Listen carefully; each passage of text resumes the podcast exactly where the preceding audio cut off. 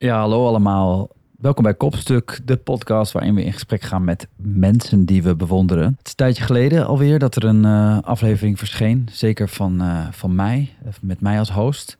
Maar ja, tijd is sowieso iets vreemds in deze tijd. Er zijn dingen waarvan ik denk, oh, dat was gisteren, maar dat was blijkbaar al anderhalf jaar geleden. En er zijn weer andere dingen, zoals het feit dat mijn vriendin gisteren nog vertelde dat ze een jaar geleden is gestopt met borstvoeding van onze jongste dochter. Wat echt als een eeuwigheid geleden voelt. Dus ja, tijd geleden. Tegelijkertijd heel kort geleden misschien, als je onlangs nog een aflevering van Kopstuk hebt geluisterd. Ik heb in ieder geval zelf met podcast dat ik ze eh, heel erg intensief luister. Uh, zeker van bepaalde interviewers. En dan opeens stopt het. Dan ben ik er helemaal klaar mee. Dat is een gek soort ding met podcasts. Uh, de verzadiging die dan optreedt. Misschien gewoon ook omdat het zo oneindig is omdat het er zoveel zijn. Maar het voordeel van kopstuk is dat het zo sporadisch verschijnt. Ja, daar komt hij. Dat jullie er misschien wel nooit genoeg van zullen krijgen. Want ja, ik weet niet, dat doen wij gewoon heel slim. Wij plaatsen uh, een aflevering heel voorzichtig in de tijd. Dat doen we gewoon heel voorzichtig. Heel af en toe. Dit is een aflevering met een echt heel uh, ja, aansprekende gast, kan je toch wel zeggen. Dat is namelijk Diederik Ebbingen ex-lid van de Vliegende Panthers, regisseur van Matterhorn, uh, host van Promenade, het satirische programma wat hij uh, onlangs uh, begon bij de NTR en wat ik echt fantastisch weer vond. Een man dus die alles wat hij aanraakt in goud verandert. En ja, waaronder dus onze microfoons. Ik spreek deze intro nu in op een gouden microfoon, omdat Diederik Ebbingen hem heeft aangeraakt.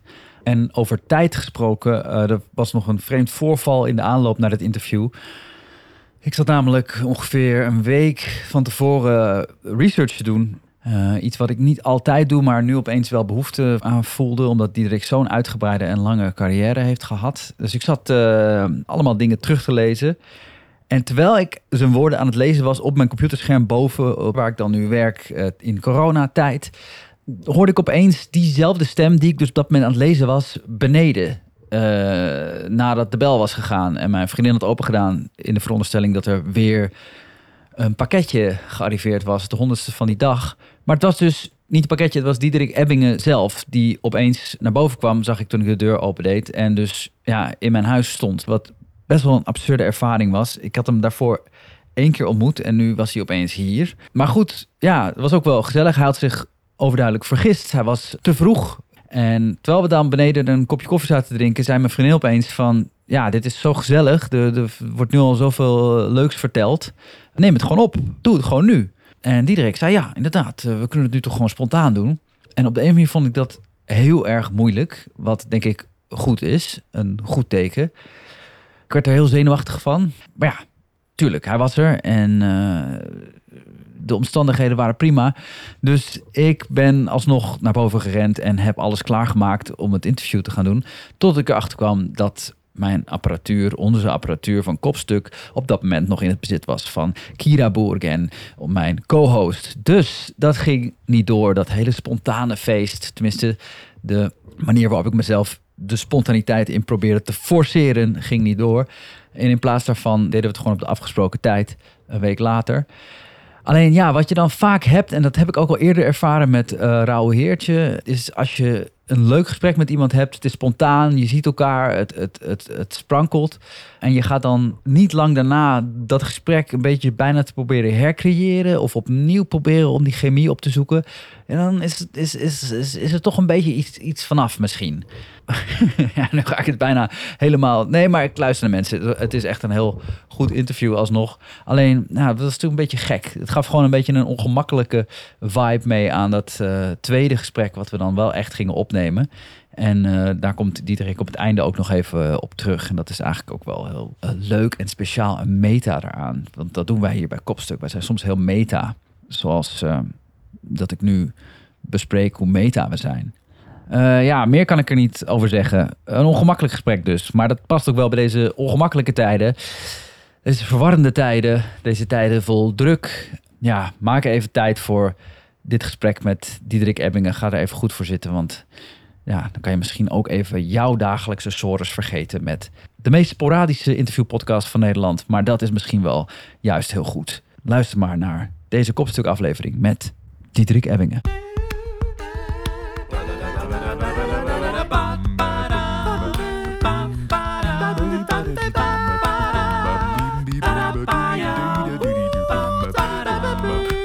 Kopstuk, kopstuk, kopstuk. Met Rutger Lem. Ben jij als je, als je schrijft lang van stof of, of ook eh, goed in het sumier houden? Ja, ik ben heel goed in het sumier houden. Ja, gewoon eh, Ik kan wel kernachtig schrijven, ja. je weet Kan- meteen wat nodig is. Ja, nee, maar, ik, maar het duurt altijd wel een tijdje voordat ik, eh, voordat ik ga schrijven. Dus het gaat eerst, moet het een tijd door mijn hoofd gaan. En op een gegeven moment weet ik het. Of nee, of denk ik van, ik weet het nog niet, maar ik denk van, nu kan ik gaan schrijven.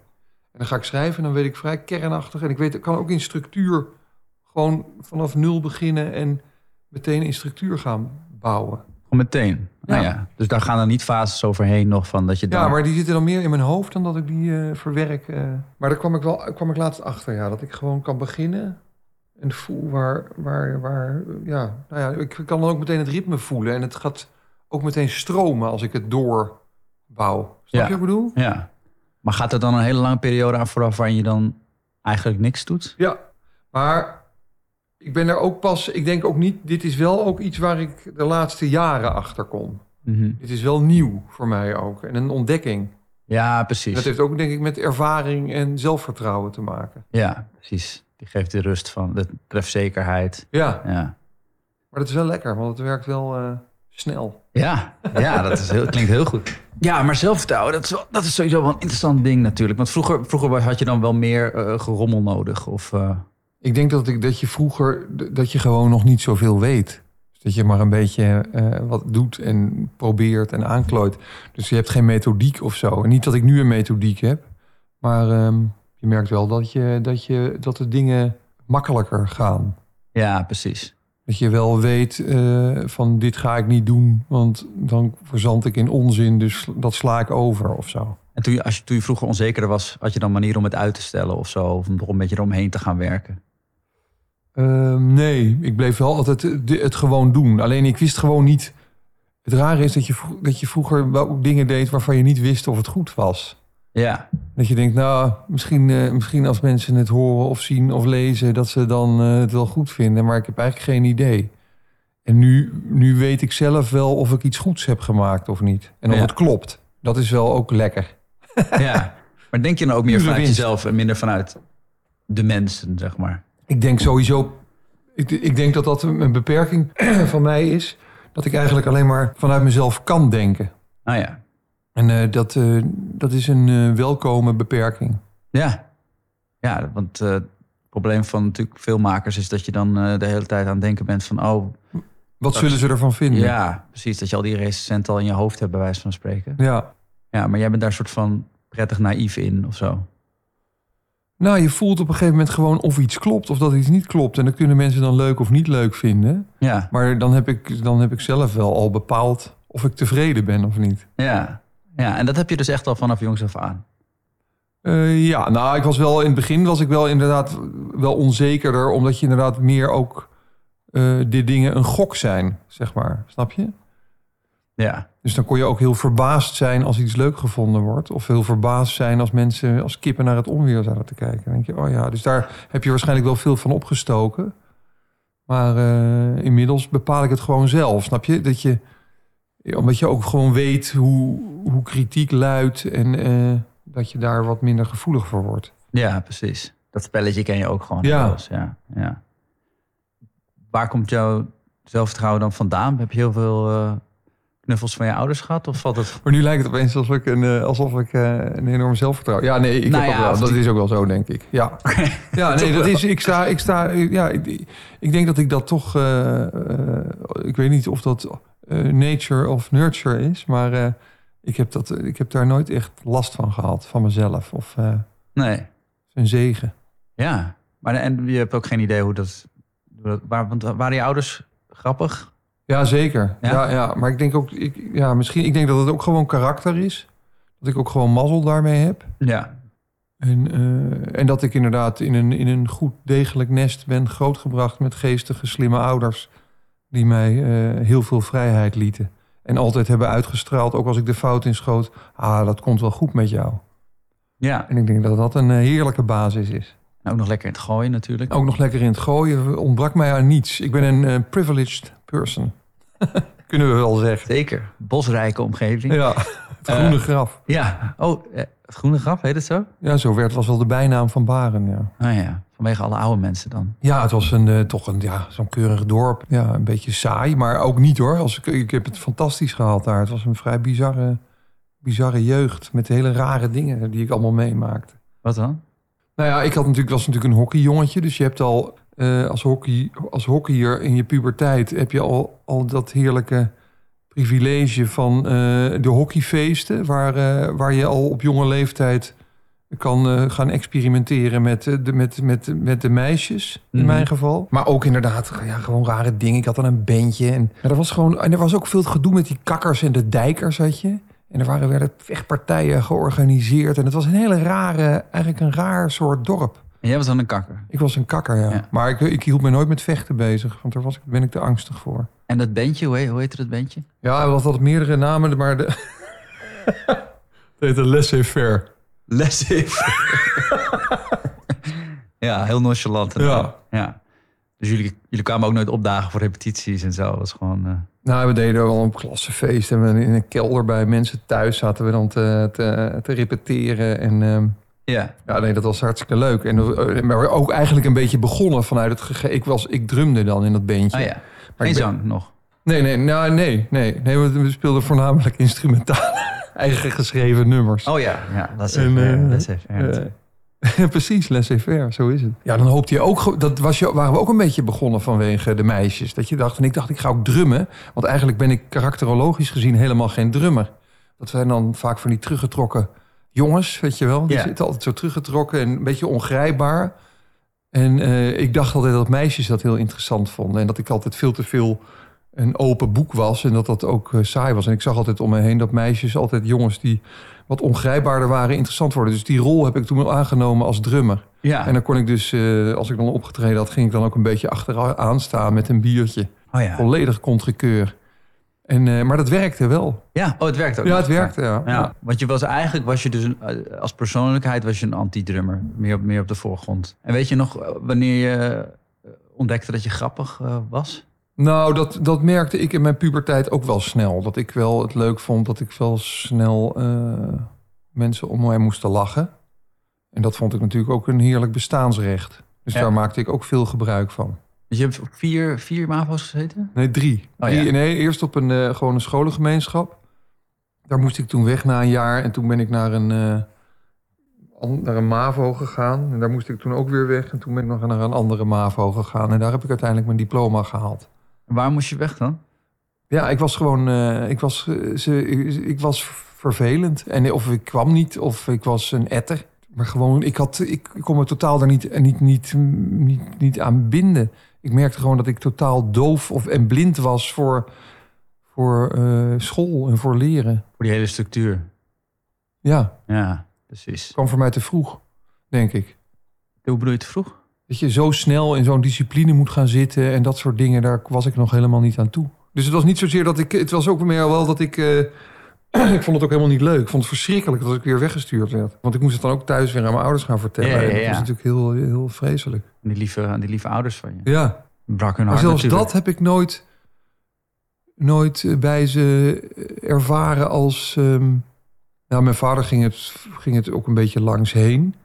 Maar mijn moeder, die, eh, ja, die vond het dan wel heel vervelend. Maar ik heb nooit het idee gehad dat ze daar boos of wanhopig van werden. Hm. Nou, ik moest wel altijd van ze naar... eh, ik moest op een gegeven moment wel naar van die hele dure onderzoeksinstituten. Van die psychologische instituten. Moest Oh, ik dan twee dagen moest ik allerlei proeven en testen doen. En ehm, Wat voor testen dan, weet je dat nog? Moest je ook Ja. een Rorschach... eh, allemaal van die vlekken dingen. En, Ja, precies, en- en ja, ja, allemaal ja. dat soort dingen. Hele dagen zat je dan en dan moest je een opstel schrijven. En dan konden ze uiteindelijk op, op een ongelineerd vel. Dan begon je dus recht. En ik ging dan na twee regels begon ik al af te buigen. Nou, dat, dat eh, zei dan wat over je concentratie en over allemaal dat soort dingen. ja, Maar er kwam wel elke keer uit dat ik eigenlijk op een VWO hoorde te zitten. Dat ik eigenlijk qua eh, hoe ik mijn manier van denken, ja. dat ik op die MAVO, dus ze hadden ook het idee dat ik daar niet uitgedaagd werd. Ja. Maar ja, als, je, als je niks doet, dan kom je daar vanzelf toch terecht. ja. Zeg ik nu tegen mijn zoons.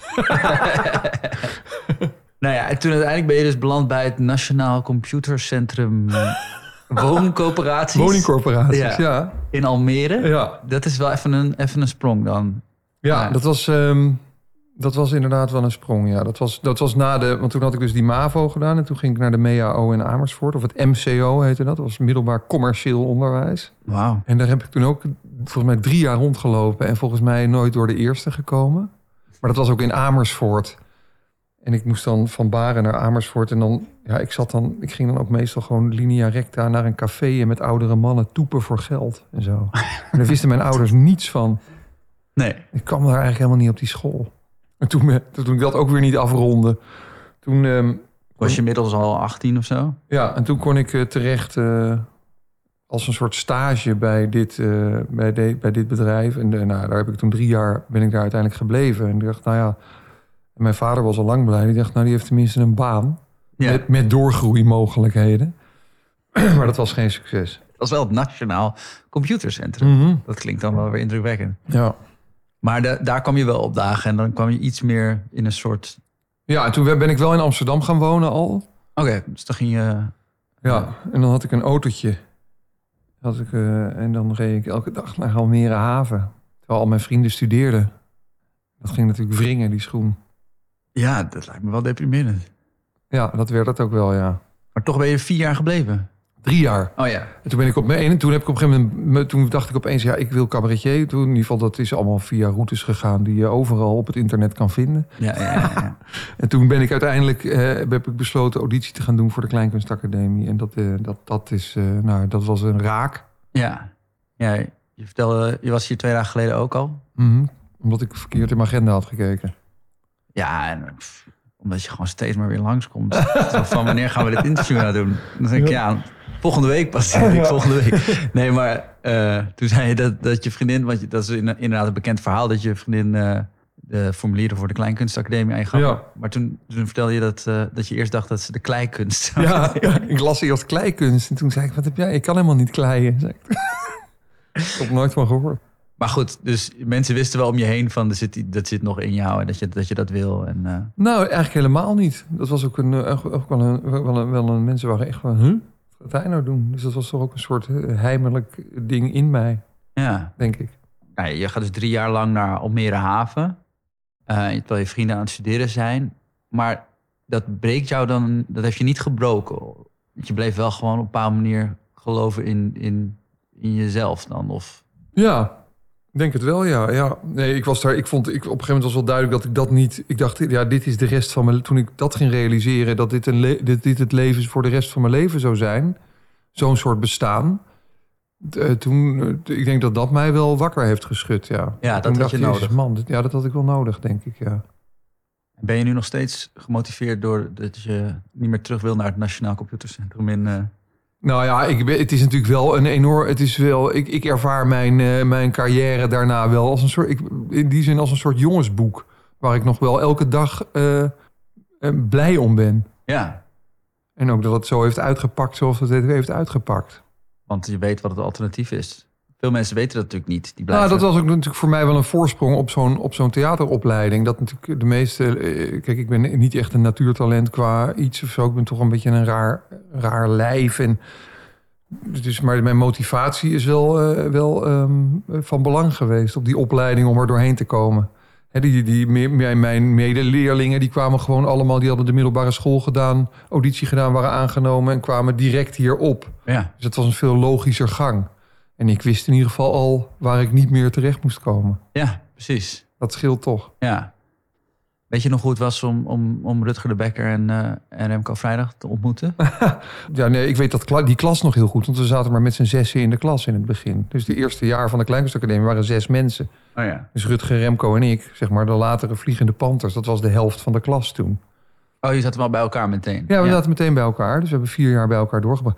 En, en de- dan had je parallel de toneelschool. Die zat in hetzelfde gebouw. Dus ons paralleljaar kenden wij ook. Ja. En daar zat Frank Lammers bijvoorbeeld in. Oh ja. Nou, en die kwamen allemaal uit Brabant. En daar heb ik voor het eerst heb ik, eh, provinciaal bewustzijn meegemaakt. Dat kende ik helemaal niet. Dus die waren op de een of andere manier zielsblij om elkaar te zien. Alleen al vanwege het feit omdat ze allemaal uit Brabant kwamen. En dat was voor mij wezensvreemd. Dus dat vond ik wel grappig om te melden. Zei ze, ja maar waar kom jij dan vandaan? Ik zeg, ja, uit Baren. En toen zei ze, welke provincie? En toen, toen, ja, toen dacht ik, ja, Noord-Holland of Utrecht volgens mij. Maar ik had nog nooit over nagedacht... eh, over uit welke provincie je kwam... en dat je daar dan een soort trots aan ontleende. Ja, dat, was, dat, dat, was, eh, dat kende ik niet. Dus eh, dat was eh, mijn... eh, weet ik nog wel dat ik dat in het begin dacht... oh, wat grappig. Brabant, dan is het opeens gaaf als je uit Brabant komt. Vond ik helemaal niet overigens. Maar Nee. zij vonden dat toch wel een dingetje. Alsof ze in het buitenland waren, zeg maar, als Nederlanders. Ja, iets herken, daar herkennen ze iets in. Misschien is het ook wel vergelijkbaar dat als ik van die Gooise kakkers tegenkom... dat ik ook meteen wel dat soort ken, zeg maar. Voel je dan ook thuis? Inmiddels niet meer. Ik, ik heb me dat wel lang... Ik had er wel altijd een, een soort haat-liefde verhouding mee. Ja. Het, het comfortabele en het eh, inderdaad dat vanzelfsprekende... Mhm. dat heeft iets heel lekkers.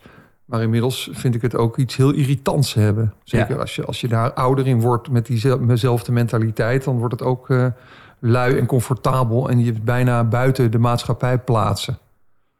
En dat vind ik storend. Oké, maar je kan er wel mee. Dat is natuurlijk ook wel... Zeker, ik kan er heel goed mee. Ja. Dat Ik meteen wel- weer een beetje zo praten als ik die lui tegen. Ja, goed hè? Ja.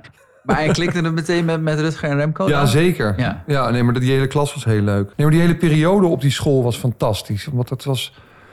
Er hing een heel... Het was heel veel... Er zaten maar twee, toen, toen ik daar zat, zaten er maar 32 leerlingen op die hele school. Hè? Een hele hbo-opleiding met 32 leerlingen. Het was net nieuw of zo. Nee, helemaal niet, maar dat was toen. Oh ja. En dat was geweldig. Ja, dat was ook een soort familie, weet je wel. En eh, we hadden vrijdag met de hele school koorzang bijvoorbeeld. Ja, dat was fantastisch. Gezellig. Ja. Ja, echt. Dus het was een soort familie. En het was uiteindelijk was. We stuurden het elkaar ook op in een soort. Er hing ook een soort goede energie dat er we allemaal heel goed met elkaar konden, maar dat er ook altijd een soort concurrentie hing, weet je wel. Ja. Nou, in de jaren om me heen, weet je wat, wat er, er, er zijn, nou ja, Agda en de Munnik zijn er toen afgekomen, en Plien en Bianca en Ellen ten Damme en Ja. eh, nou ja, en Martine, Sandy Ford en, eh, en Ricky Kolen. En nou, zo kan ik nog wel even doorgaan wat er allemaal zat. Dus het was een enorme eh, succesvolle lichting ook. En eh, dat was ook heel erg leuk. En, en het is als een hele lekkere nestgeur die, die ik nog steeds... als ik mensen van de kleinkunst... vanavond eet ik toevallig bij Ricky... Maar het is gewoon zo bekend. Het is toch een soort, ook een soort terug naar, naar de wortels of zo. En we Ja. hebben allemaal voor hele verschillende carrières... maar het is toch meteen snap je wat het is. Ja. Die, die, die nestgeur van die klein, oude kleinkunstacademie... die niet meer bestaat, helaas. De, en de lessen waren ook leuk. Wel het goede daar was, je zat in een soort oud afstandspand op de Keizersgracht... met de toneelschool en wij, dus die twee opleidingen bij elkaar. Oh, dus en dat het daar- iedereen, alle leerlingen hadden de sleutel van de school. Dus we brachten hele nachten daardoor. Nou, dat mag allemaal überhaupt helemaal niet meer. Weet je, nu zitten ze in een nieuw gebouw met regels.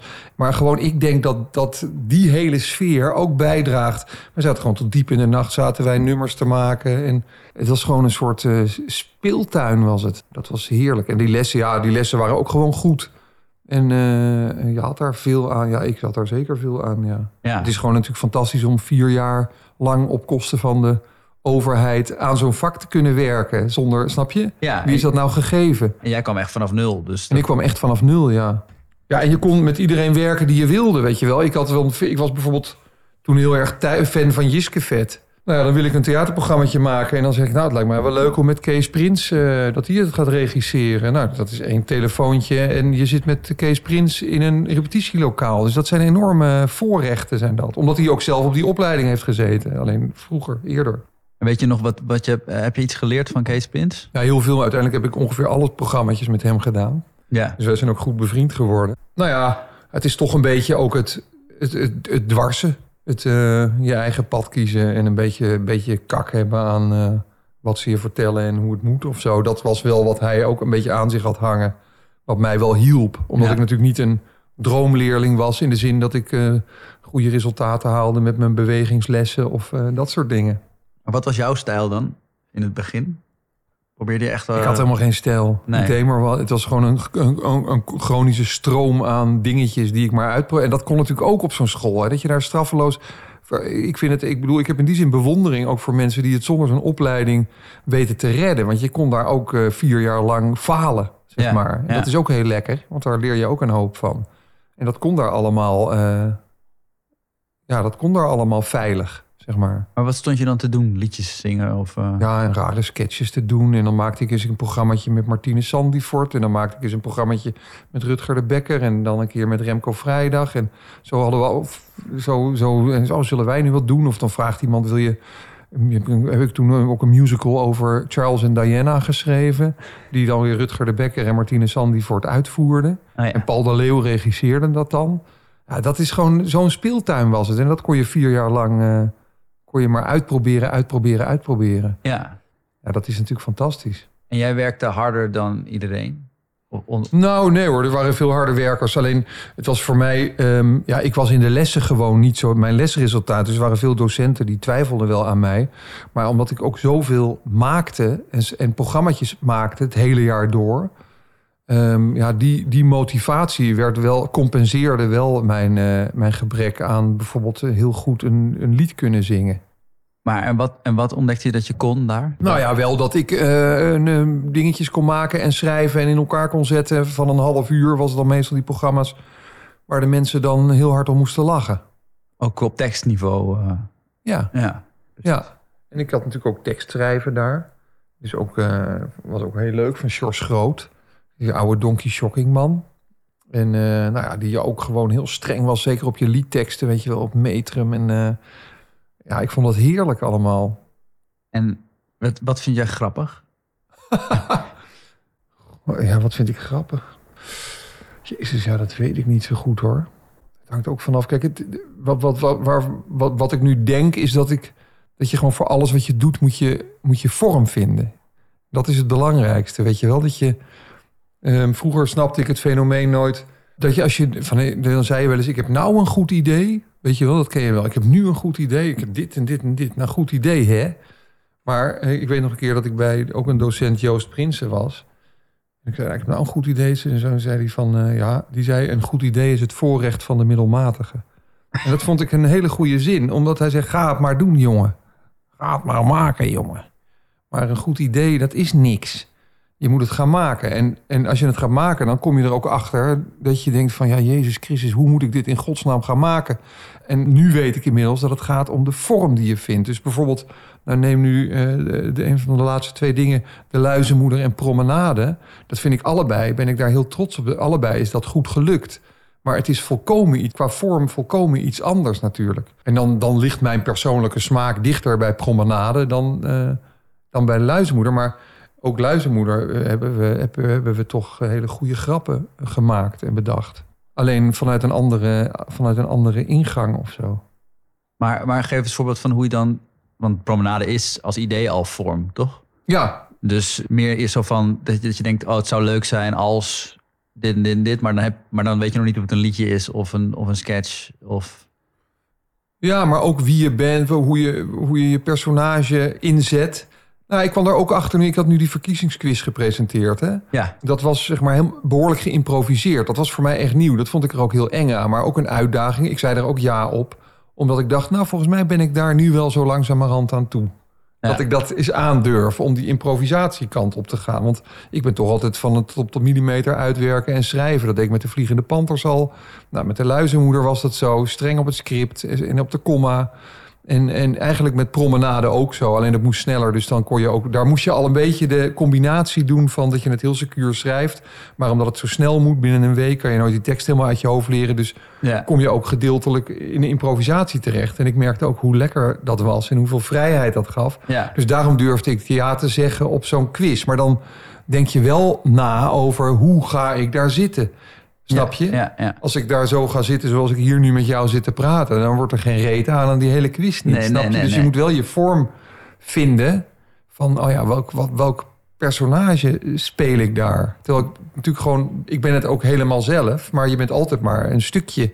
Van Ja. je, welk stukje van jezelf, even pathetisch gezegd, zet je in, Zet je in, om, ja. om, eh, om, om, om dat te doen slagen of zo. ja, Dus- Maar dat vond ik ook weer een verademing. Dat ik denk, jezus, dit lukt, dit, dit kan ook. ja. Dus elke keer, en dat vind ik dan ook weer leuk, want daarmee stapel je ook nog steeds, weet je wel. Je bent niet in die zin niet uitgeleerd of denk, of denk van, nou, nu ben ik er wel. Oh, wacht even, dat improviseren, dat is ook nog wel wat. Ja, een idee is het voorrecht van de middelmatige. Ja. En want bij de Panthers ging dat waarschijnlijk letterlijk zo? Dat je al dat je alle ideeën stapelde en dan ging kijken wat er, wat er blijft staan. Bij ons werd die term zep-cabaret bedacht. Oh ja. En dat was ook eh, omdat we van die hele korte sketches hadden. En eigenlijk nooit een punt zetten aan sketches. Omdat ik vind vaak met cabaret is het vaak heel flauw. Weet je wel, dan zijn mensen heel erg op zoek naar de punt van een sketch... waar het leuke einde zit. En dan is dat nooit echt grappig. Dus wij zijn heel erg in overgangen gaan denken. Dus dat je denkt, nou, die act hebben we nu wel gehad. Tot hier is hij leuk. Moeten we nou helemaal naar een punt toe en dan applaus vragen en door? Nee, als hij tot hier leuk is, moeten we nu zorgen dat we een overgang hebben en dan dat we ergens anders in terechtkomen. Ja. Dus in dat overgangen denken, nou, daar heb ik tot op de dag van vandaag heb ik daar wat aan. Of ik nou tv, film of theater schrijf of maak. Ik denk altijd in overgangen. ja. En ook in je carrière wel, want je stopt ook als het eh, klaar is. Ja, Ja. ja. Ja, verdomd. Ja, ja, daar heb ik het ook. Dan denk je op een gegeven moment, ja, nu is het, nu is het op of zo. Nu is het... eh, Niet grappig Nu wordt het meer. niet meer beter. Dat hadden we met de Panthers ook. Toen we die programma's allemaal gehad, dat hadden dat je denkt van ja, we kunnen nu weer een programma gaan doen. We hadden nu nog steeds bezig kunnen zijn. Maar kunnen we nog een hoek om? Kunnen we nog eh, het verbeteren voor onszelf vooral? Weet je, al die vier programma's zijn heel verschillend die we gemaakt hebben. Mhm. En, en op een gegeven moment denk je van ja, maar als we nu nog een programma gaan maken, dan gaan we onszelf herhalen. Dan is de verrassing eraf.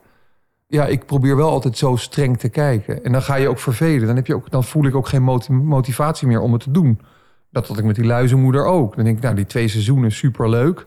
Maar nu is het wel verteld, dit. De grap is er nu wel af. We hadden het ook acht seizoenen door kunnen maken, bij wijze van spreken. Maar eh, ja, dan is voor mij de lol er gewoon af. Dan denk ik, Ja. nou, dit is nu klaar. Dit is verteld. Een beetje waar we het aan het begin over hadden, van dat je gewoon puur echt vanuit jezelf denkt van vind ik het leuk. Ja, En was dat dan ook binnen jullie trio, kwam dat dan vanuit jou heel erg? Zo van, Nou, het was wel zo dat we... eh, nee, volgens mij kwam Rutger ermee van... zullen we even een keer een jaartje even wat anders doen, alle drie?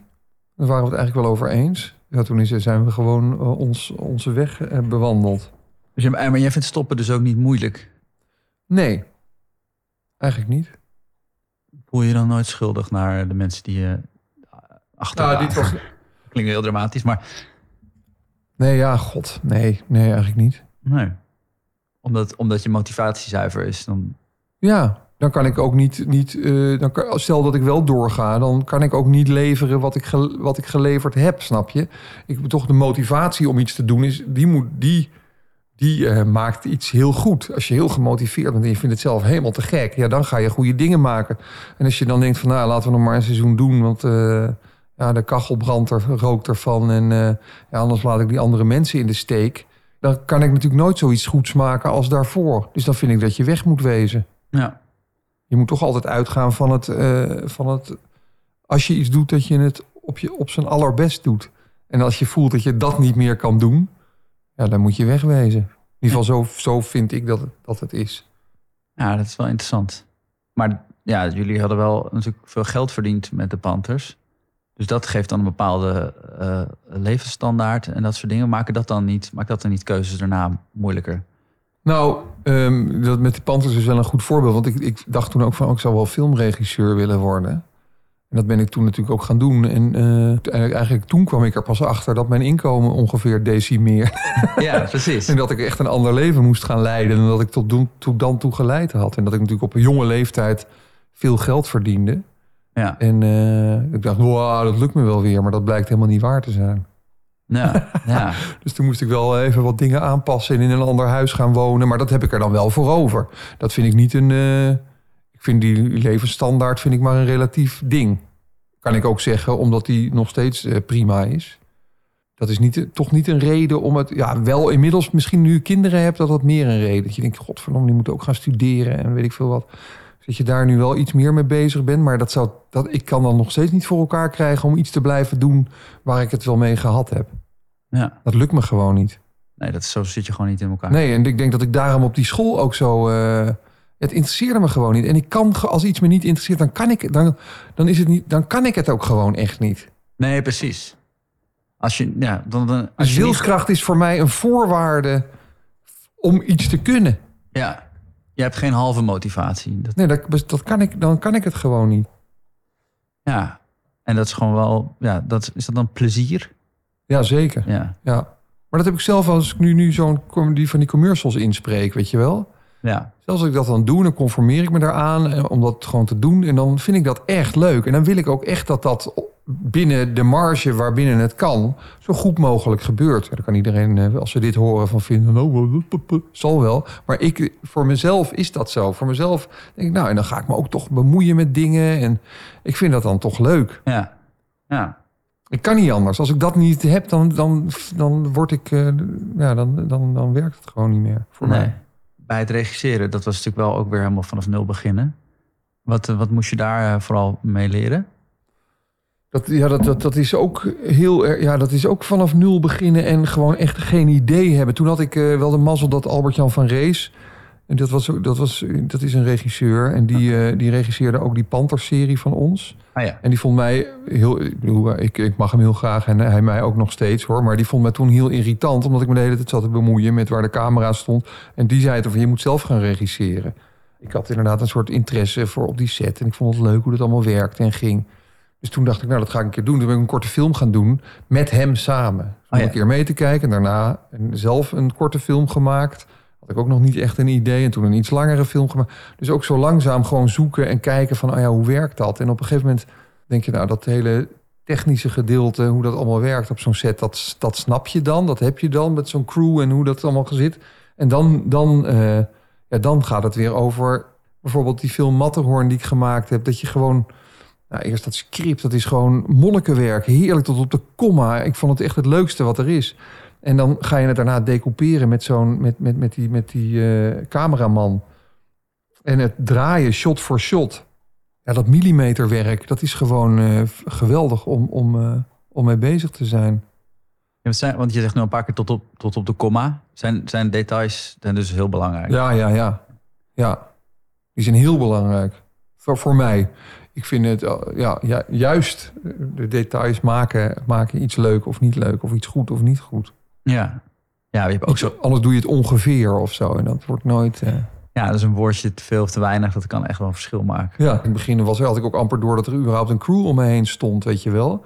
En op een gegeven moment ga je dat helemaal voelen. En toen ging ik er ook pas echt van houden. Dat je denkt, je is met zo'n hele club en iedereen is in, in zo'n radartje. Ja, ik vind dat ook een soort ontroerend mechanisme bijna. Dat Ja. je dan met z'n allen daarmee bezig bent. En eh, eigenlijk iedereen is onmisbaar daarbinnen. En dat, die hele, dat hele systeem van dat draaien, wat eigenlijk internationaal overal hetzelfde is. Hè? Dat is natuurlijk ook gewoon het best bewezen systeem. Zo werkt het gewoon goed. Ja, en als je dat gaat voelen en je kan daar in een soort rust in zitten, ja, dan vind ik dat echt magisch. Ja, want je bent ook wel echt een samenwerker. Hè? Enorm. Ja. Ja. En wat voor regisseur ben jij dan? Ben jij ook een acteur, regisseur of meer? Ja. ja, ik denk een enorme acteur, regisseur, maar dat komt natuurlijk ook omdat ik zelf acteur ben. Dus dat ik ook wel goed weet hoe ik, eh, hoe ik acteurs moet aanspreken. Dus ik ga altijd uit van de psychologie van de personages. Dus iedereen zegt, bijvoorbeeld Matterhorn zei ze wat ben je stelvast, maar dat is niet stelvast. Ik ga uit van de psychologie van het personage en op welk moment ik wat wil zien. En daar bedenk ik een shot bij. En als je dat kennelijk consequent doet, dan word je stelvast genoemd. ja. Maar het is niet dat ik van tevoren heel erg eh, eh, denk van, nou, we gaan het, we gaan het als Wes Anderson doen of zo. Weet Nee. je, wel, dat hoor je ook veel, dat mensen zeggen, ja, een beetje als dat. Dat heb ik ook als mensen mij bellen van, ja, we willen iets doen, een beetje als dat. En dan heb ik al geen interesse meer. Nee. Nee, want je kijkt ook niet zoveel, toch? Ik, ik zie heel weinig. En je krijgt ook vaak als je iets gaat maken dat, dat producenten heel goed bedoeld en ook helemaal niet kwalijk. Bijvoorbeeld vijf dvd's opsturen van je moet hier eens naar kijken. Want volgens mij zit het een beetje in die hoek. Nee, daar ga ik helemaal niet naar kijken. Zelf doen. Ja. Ik ben altijd wel heel erg van eh, geïnspireerd worden door voorbeelden. Ja. Ja, nee, dat heb ik helemaal niet. Vind je dan dat, dat, dat je daardoor verpest wordt? Nee, helemaal niet. Maar voor mij werkt dat helemaal niet zo. Maar dat wel vanwege een soort puurheid die je wil vasthouden van je eigen visie. Nou, er zit eigenlijk helemaal geen principe achter. Ik merk gewoon dat ik dan geen motivatie voel om die dvd's te gaan kijken. dus dan doe ik het niet. Nee, precies. En vind je dat het harmonieus moet zijn op een set of überhaupt in een samenwerking? Of moet er ook wel eh, af en toe... eh, Nee, ik ben heel erg van het harmoniemodel. ja, Ja, ik wil het echt gewoon leuk hebben met iedereen. En ik ben helemaal niet... eh, nee, ik ben echt van het harmoniemodel. daar kies je de mensen ook op uit. Dat het als groep gaat klikken. Nou, ik ben volgens mij heel trouw ook aan mensen. Dus de cameraman waar ik gewoon altijd mee werk... die deed al de Vliegende Panthers-serie. En eh, daar deed ik het eerste ding van toen hij nog op de filmacademie zat. En daar kan ik dan mee lezen en schrijven. En ik wil gewoon dan alles met hem doen. Ja, En eigenlijk wil ik dan ook, heb ik daar ook al crew-ideeën. Dat ik ook denk, ja, die was er toen bij, die vond ik fantastisch. Het is wel zo dat als ik er iemand bij heb waarvan ik dacht, moi, Ja, die vraag ik dan niet meer terug. Het is wel ook bijna zo'n dat je zo'n hele carrière, zo'n team aan het bouwen, zo'n ultiem eh, elftal aan het bouwen bent, Ja, weet ja, je wel, ja, waar je gewoon de probeert de zwakste schakels uit te halen en dat weer te vervangen voor en dat je op een gegeven moment ja, dat werkt, want dan werkt dat hele hele clockwork werkt dan ook perfect of zo. Maar je hebt er ook wel een goed gevoel voor. Want je hebt natuurlijk met, met, eh, met Ton Kas eh, is een beetje je muze. Maar nu ook met Promenade heb je relatief onbekende gasten van Twitter, geloof ik, in de redactie gevraagd.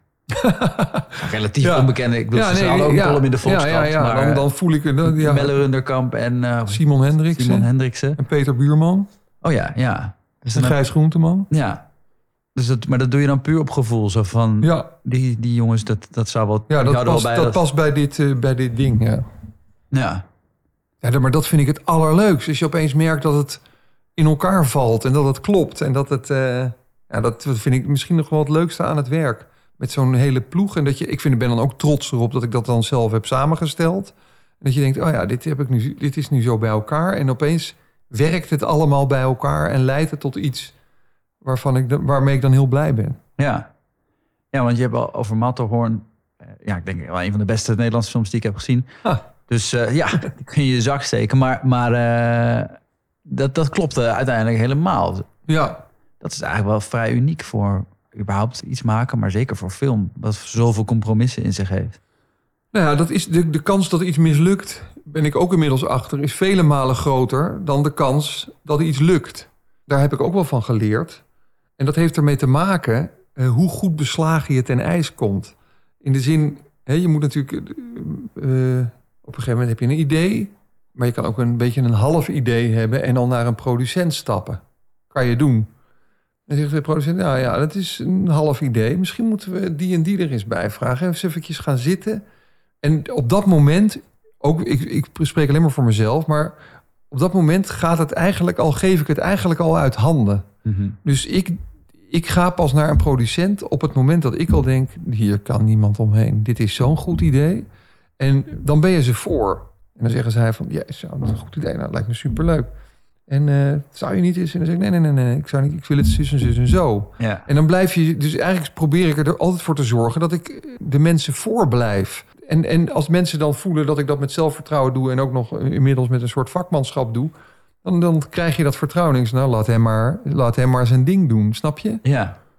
En dat werkt heel goed. Dus ehm, ik adviseer mensen niet te snel met een half, met een half fabrikaat ergens naartoe te gaan. Want je, je, het flikkert heel snel uit je, uit je klauwen. ja. En dat heeft dan weer met die details te maken. Dat je goed... Ja, dat je gewoon het helemaal zelf wil bepalen. En eh, natuurlijk krijg je op een gegeven moment te maken met... eh, hè, als iets commercieel moet zijn, van dan willen ze... De, hè, dat is een grote, groot ding in, in zowel theater, film als tv-wereld... waar ik heel strontchagrijnig van word... dat je er een namen Bekende in moet naam, hebben, ja. bekende in moet hebben. Eh, en dan denk je, oh man, laat het maar, die is veel beter voor die rol. Ja, maar ja, weet je, we willen ook wel dat er mensen komen. En ik snap, ik snap ook dat, maar ik geloof ook dat het een, dat het een overschat fenomeen is. Want ik denk, eh, zowel in theater als naar tv, denk ja, in eerste instantie krijg je misschien als er een beroemdheid inspeelt mensen naar de buis, maar via mond op mond lult het zich ook wel door als iets goed is of niet goed is. Ja. Nou ja, eigenlijk is de luizenmoeder een goed voorbeeld. Dat is nou niet iemand waar echt sterren in zitten of zo. We zijn gewoon allemaal acteurs. En, eh, en, en dan voel je ook dat als iets goed is, dat het dan wel goed komt of zo. Maar die namen, dat is echt wel, vind ik wel een. eh, daar zijn ze ook niet van af te brengen. Ja. Moet wel een naam in. Terwijl de namen zijn helemaal niet per definitie de beste. Hè? Nee, nee. Nee. Je moet ook hè, om bekend te worden. Dat heeft ook daarmee te bekend zijn in Nederland, of waar dan ook volgens mij. Dat is niet alleen maar omdat je ergens heel goed in bent dat je dan bekend wordt. Het heeft ook heel veel te maken met mensen die goed zijn in bekend worden en bekend blijven. Dat is ook een soort management, weet Ja, je ja, wel. dat is ook, je eh, moet, eh, als je naar premières gaan, eh, dat helpt toch allemaal. Ja. En als je dan in een blading of een klein schandaaltje hebt, nou ja, dan ben je al snel een naam. Ja. Maar dat wil niet zeggen dat het goede mensen zijn. Nee, maar dat is, ja, dat is bijna weer een beroep op zich. Bekend zijn. Ja, Ja. heb ik ook wel eens van iemand gehoord die, die bij RTL onder contract staat. Dat je dan inderdaad, dat is bijna ook een soort afspraak, dat je dan wel BN'er moet blijven. Om, ja, maar dat, dus als je op een gegeven moment daar geen zin meer in hebt en je gaat thuis zitten en je presenteert alleen maar programma's, ja, dat is gewoon niet genoeg. Nee. Je moet je, moet je BN'erschap managen. In ieder geval sommige mensen, ja, echt Ja, waar. ja, Ja, ik, ik geloof het meteen. ja. Maar dit is wel grappig, want nu de luizenmoeder ging eh, zo goed dat je daarna kon, kon zeggen van nou, ik heb ook nog promenade liggen en eh, mag ik dat ook eh, doen? En dat mocht dan, omdat je dan even dat momentum had. Ja, En dan ga je iets als promenade maken. Oké, het lag er al, maar het is ook wel eh, niet helemaal toevallig natuurlijk ook voor hoe jij eh, graag werkt. Dat dat dan iets is wat helemaal niet zo erg in de smaak valt bij iedereen. nee, maar dat vind ik dan ook wel lekker. Toch? Ja. Ja, ja, dat vind ik wel lekker om die bochten weer te nemen. Ja. In die zin, eh, om, om, om ook daar de mensen voor te blijven of zo in wat je doet. Houd je scherp, toch? Ja, en anders, word je ook, anders wordt het zo... eh, Nou, ik weet ook nog goed dat ik inderdaad toen ik Matterhorn gemaakt had... toen ehm, werd ik daar... Toen won ik, won ik de publieksprijs in het, op het Rotterdam Filmfestival. En toen kwam ik daarna op het Utrecht Filmfestival. En toen merkte ik opeens dat ik in een soort artistieke hoek... enorm eh, werd gewaardeerd. Opeens was ik opeens... werd ik ergens ingetrokken van... eh yes, man, eh, weet ik veel. Ik werd ergens ingetrokken, maar dat krijg ik het dan ook een beetje benauwderig van. En toen belde Johan Nijhuis of ik mee wilde doen in de film Toscaanse Bruiloft. En ik weet nog echt dat ik echt dat voelde als een soort uitgestoken hand van... Ja, van bijna, ja, trek me hier uit of zo. Ja. Of dat je denkt, ik wil niet... eh, eh, dus misschien is dat ook een soort kinderachtig gevoel... van dat je niet ergens bij wil horen of zo. Ja, want je had ook gewoon films kunnen blijven maken. Daarna. Ja, dat, ja, dat had gekund, maar dat, nou ja, dat hangt, het hangt ook weer af wat voor idee je hebt. Ik laat het ook bepalen door welke ideeën ik krijg. En als dat een filmidee is, waarvan ik opeens het gevoel heb dat, dat, dat ik dat moet gaan maken, dan zal ik dat heus wel weer gaan doen. Maar zo'n eh, promenade is dan iets waar ik ook het gevoel heb dat ik dat moet gaan doen, weet je wel. En ehm, dus ja, dan, dan wil ik het doen. Ja, want die, die ideeën zijn de basis, zeg maar. Ja, En hoe, hoe eh, kom je op ideeën? Is altijd een beetje een stomme vraag, maar, maar toch wel. Hoe kom je op ideeën? Ja, vooral in het hoofd in eerste instantie. En als het dan in mijn hoofd gaat groeien op een bepaalde manier en ik word er enthousiast van, Ja. ja, dan, dan, heb ik het, dan, dan komt het niet meer uit mijn hoofd. Ja. En dan ga ik erover doordenken. En dan word ik of enthousiaster of het ebt weg. ja. En dat bepaalt het. Dus ik laat het toch gewoon gebeuren, zeg maar. En, Er zit, eh, er zit en- vaak een soort traagheid in. en Een soort eh, tragiek natuurlijk. Onder de comedy. Vind- Denk je dat je traagheid grappig vindt omdat je... maar traag, vind je, ja, vind je traag? Nou ja, maar ongemakkelijk is dan misschien het beste. Ja, dat, daar ben ik dol op, ja. Ja. En, omdat je het herkent? Of... eh, Eh, want je bent zelf niet echt een ongemakkelijk persoon, heb ik het idee. Nee, helemaal niet. Nee. Nee, maar misschien dat ik het daarom zo... Nou ja, misschien heeft het wel ook mee te maken met... omdat ik inderdaad vrij- zelf een vrij makkelijk persoon ben... ook sociaal gezien eh makkelijk persoon ben... eh, verbaas ik mij ook wel vaak over hoe, hoeveel mensen om me heen... dat ik altijd denk van... "Wat doen jullie- Zijn jullie toch onhandig? Wat doen jullie sociaal onhandig? Of wat is dat? En daar heb ik altijd wel een soort mededogen mee. En ik merk, ik merk ook dat ik goed met mensen kan die dat ongemak hebben. En dat mensen die dat ongemak hebben ook zich wel bij mij op, op, eh, op, me, op, op hun gemak voelen of zo. En ik, ja, ik, ik weet het niet. Ik, dit heeft iets ontroerends, ongemak. Ja. En je, hebt ook, je, bent, je bent op een gegeven moment wel een beetje gecrashed natuurlijk met je, met je burn-out. Ja, Hoe, was, hoe was dat dan? Leuk. Lachen. nee, Ja, dat was bedoel- verschrikkelijk. Maar dat was ook door te hard werken, was dat dan toch? Nou, en, en, te hard, en die druk, van, weet je, die druk van eh, dat, dat ik natuurlijk van dat, pan, van dat comfortabele pantersleven opeens die filmregisseur werd, eh, in het te duur, te duur leefde, wat ik helemaal niet meer kon betalen. eh, twee kinderen krijgen op dat moment, dus wel die, daar moeten voldoen. Dus allemaal dingen en klussen gaan aannemen die eigenlijk niet bij je passen. Nou ja, dat, dat is dus niks voor mij. Dan word ik dus gek en ja, daar gewoon te ver in, in door zijn gegaan. Want hoe zag dat eruit? Was dat dan op een gegeven moment gewoon niks meer kunnen en heel veel huilen? Of, eh? Nou, het was bij mij was dat het zich in eerste instantie heel erg in angst, in angstaanvallen en paniek. Hmm. En eh, gewoon niks meer, ja, echt niks meer kunnen. Het klinkt, ik, ik kan me nu bijna niet meer voorstellen, maar dat ik inderdaad op een gegeven moment zat ik in die musical van Hazes en dat ik nog de laatste drie voorstellingen moest spelen. Dan was het afgelopen. En dat ik voor de artiesteningang van de Lamar stond en niet naar binnen durfde. Hmm. En gewoon moest afzeggen. Die laatste drie voorstellingen, terwijl het een vrij lichte bijrol had, was die ik speelde. Dat, ik, dat je het gewoon niet kan. Dat het gewoon niet kan. Ja, Nou, dat is heel bizar. ja. En ook niks voor jou. En helemaal niks voor mij, nee. Nee. Dus het is wel zo dat, je, dat, ik, dat ik dus het fenomeen stress toen helemaal niet herkende als zodanig. En nu inmiddels wel. Ja. En dan weet ik ook, even oppassen, weet je, dan, dan ik, ik, ik, ik, ik, eh, ik herken nu de eh, waarschuwingssignalen die, eh, die ik krijg. En dan, en dan handel ik daar ook naar. ja. En hoe, hoe heeft het vaderschap je, je veranderd? Ja, ik vind dat natuurlijk verrukkelijk. Ja. Ja, ik vind dat super. Zeker nu, ze zijn nu 12 en 13, zitten op de middelbare school.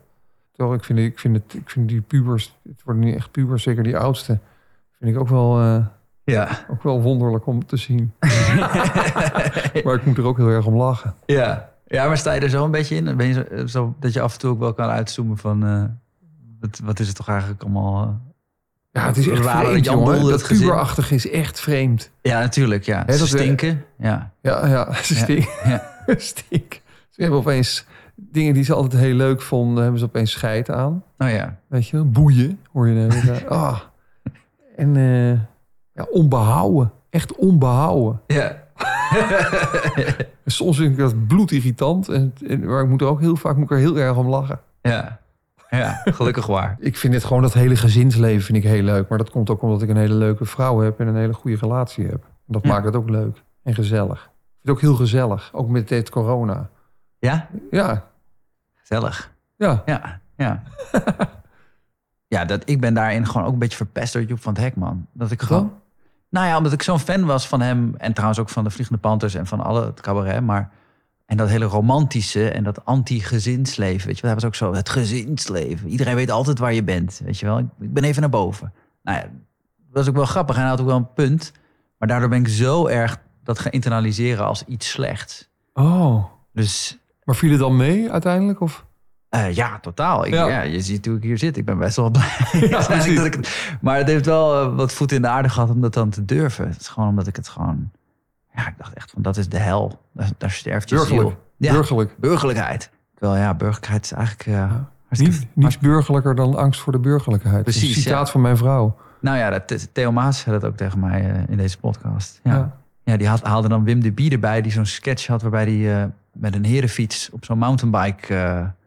met heuvels ging, ging, stunts ging doen. Ja, die wielrenners nu. Al die mannen in die, in die professionele wielrennen-outfit. Dat is toch niet te harde, man? ja. ja, dat is echt zo triest. En mountainbikers dan ook erbij. Ja, Ja, ja. echt ook een... eh, Maar dat is bij mij is het ook de. Ik heb dat ook met mensen van die hele fanatieke wintersporters. Of mensen die zeilen. Of daar hangt een soort humorloosheid om die ik niet kan uit. Het is bij mij een combinatie van de humorloosheid. Van dure spullen en dan met, Ja. met allemaal mannen gaan fietsen eh, rond het IJsselmeer. ja, Of, gaan, bellen, of gaan skiën en dan erover hebben hoe gaaf je eh, door de tiefsnee geskiet hebt. Ja. En gaan zeilen. En er hangt een soort humorloos sfeertje. En het, er hangt ook een soort apenrot sfeertje. Maar waarover? Over skiën, zeilen of fietsen. Het, is, eh, het heeft iets heel treurigs. Aan de andere kant zit er bij mij ook een soort irritatie... eh, en een soort jaloezie naar mensen die zich aan zoiets sportiefs helemaal kunnen overgeven. Omdat Ja. mij dat nooit lukt. Ja, Snap je? ja. Het is ook ik- lekker dat je denkt, oh, stel je nou voor dat ik, ik, ik als hobby had eh, wielrennen. ja, Dan zou ik een stuk fitter zijn. ik kan het me niet voorstellen. Ik kan het me ook niet voorstellen. Ik ben het dus gaan doen door de lockdown en zo. Ja, Eh, maar, je maar- bent niet de enige, Rutger. Nee, zeker niet.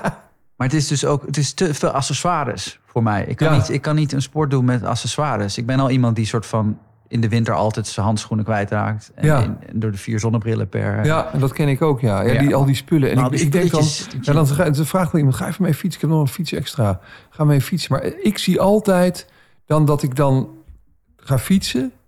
En dan denk ik, nou, gaat best lekker. En dat ik het op het verste punt, dat ik dan een lekker band krijg. ja. En dat ik dan die fiets op zijn kop moet zetten en daar een band moet gaan zitten plakken. En dan is voor mij alle lol er al af. En dat het Ja. kapot kan. En dat ik het, Ja. voordat je gaat, nog wel even de ketting moet smeren. Nou, laat maar. Ja, ja. Ik heb volgens mij vannacht nog gedroomd dat ik moest voetballen, want dat ik al een tijdje niet meer doe. Eh, maar dat, en dat ik mijn kiksen vergeten was. Wat, Oh wat heel weinig gebeurde. Maar dat was al, zeg maar, met voetbal heb je natuurlijk minimaal soort Ja. spullen wat je mee hebt. Je kiksen, je, je scheenbeschermers en je, je tenuutje. En vaak heeft iemand anders nog wel sokken als je die vergeten bent. Maar je kiksen, die zijn van jou. Die, die pas je alleen maar.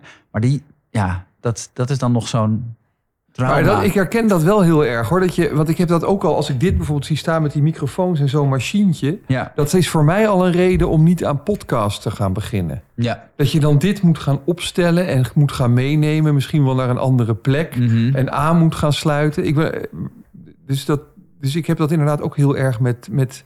Ik wil het liefst geen spullen hebben.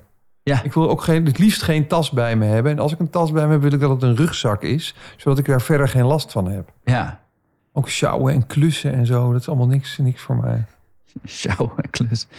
Ga ik even lekker klussen. Ik kan amper een... eh, ik, ik heb eergisteren toevallig een gitaarbeugel opgehangen in de kamer eh, van mijn zoon. Ja.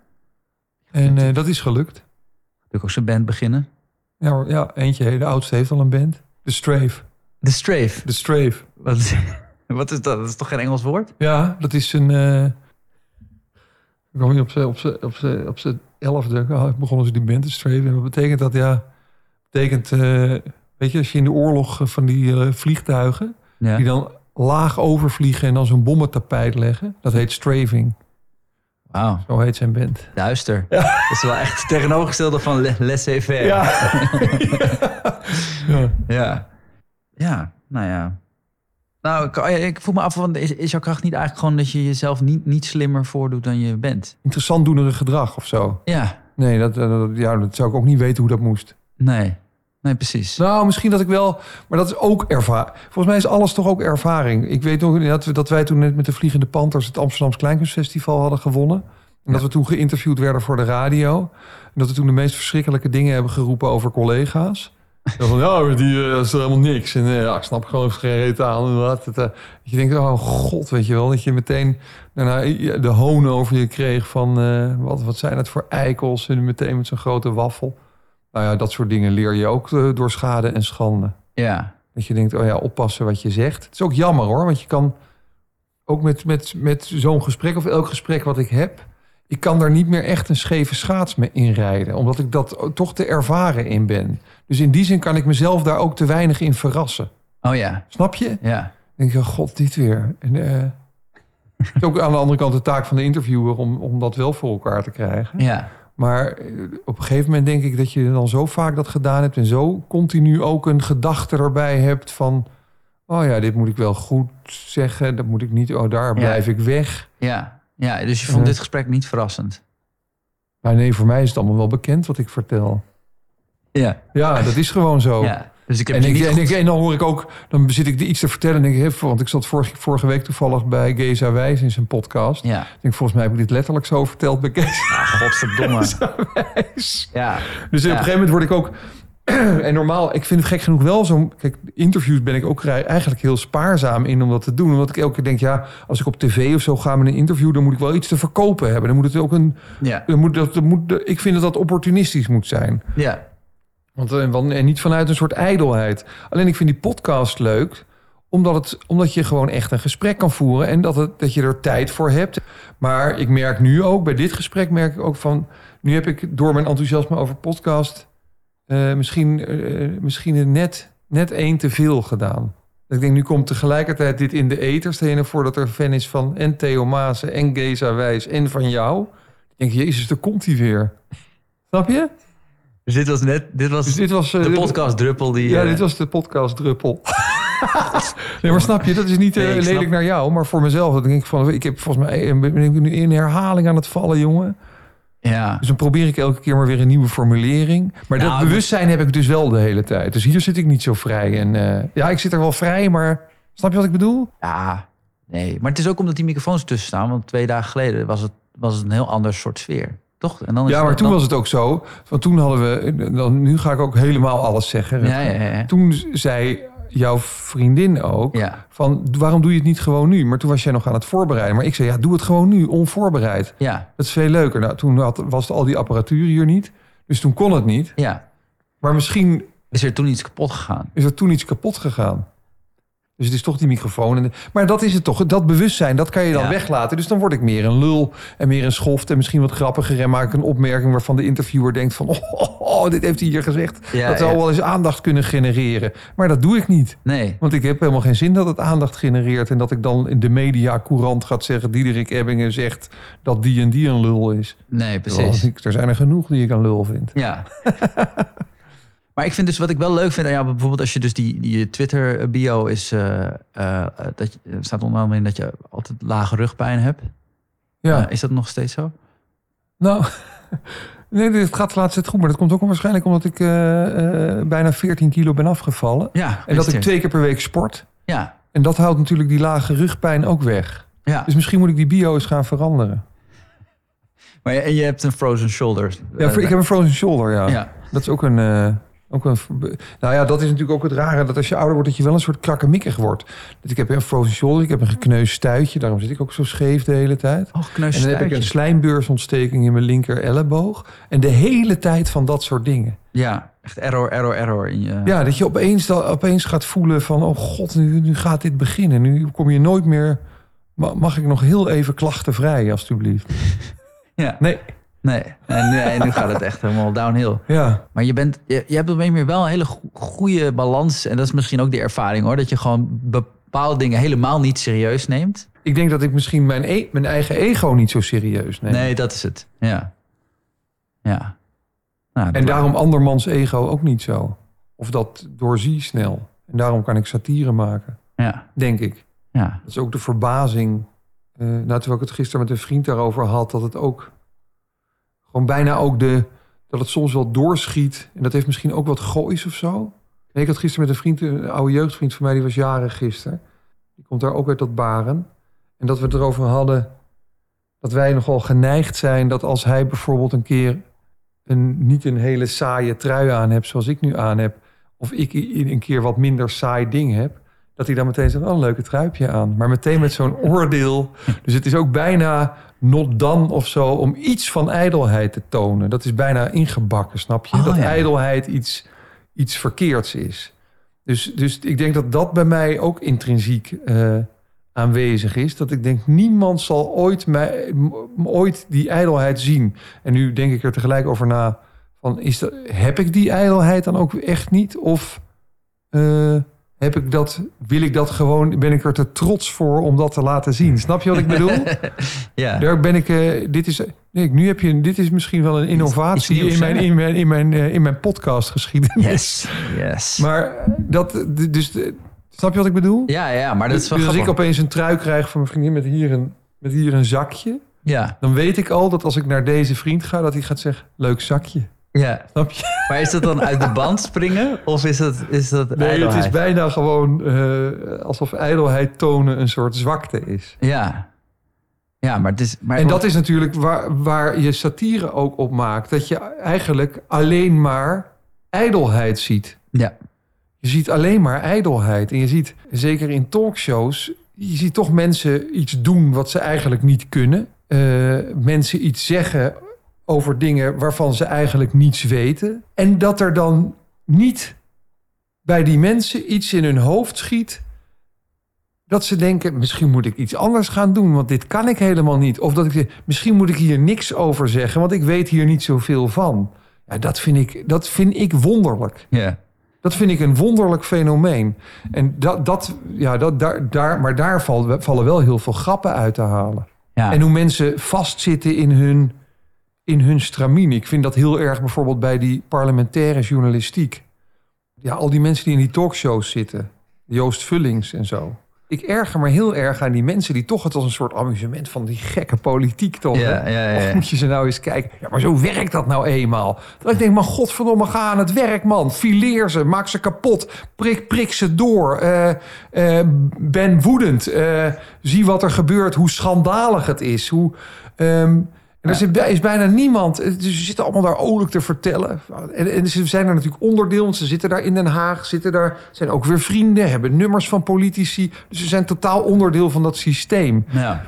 En, en zitten daar elke avond in, avond uit... bij die talkshows met een soort glimlach te vertellen... Wat er, hoe spannend het nu weer is. Ja. Terwijl ik dan denk ik, nee, die mensen nemen hun werk niet serieus. Dat vind ik echt, eh, echt stuitend. Maar, dat, maar dit is een voorbeeld voor hoeveel, hoeveel je dit ziet. Ja. Nou, en daar word ik dan toch ergens. Dus ik, ik, zie daar, ik zie daar iets grappigs in. Maar ik word er ook woedend van. En dat bij elkaar brengend kan je satire maken. Ja. Maar het is grappig, want ik heb ook met mijn vriendengroep dat we dus altijd elkaar fucken. En ik geniet daar ook altijd van als iemand mij wijst op een ijdelheid of iets. Ja. Dat ik dan. Dat, dat vind ik het grappigste wat er is. Want het, het verrast me, omdat ik al de hele tijd soort van bezig ben, de hele dag om soort van mezelf in stand te houden naar de buitenwereld toe. En als iemand daar dan even inprikt, dat het geeft ook een soort opluchting. Zo van, Ja, ja, nee, ja. Zo van. Nee, is van, ook zo. Yes, heeft ze zien het. Maar veel mensen zijn dus heel bezig om dat Ja, te vermijden. ja en, en, en, en dat niet kunnen relativeren.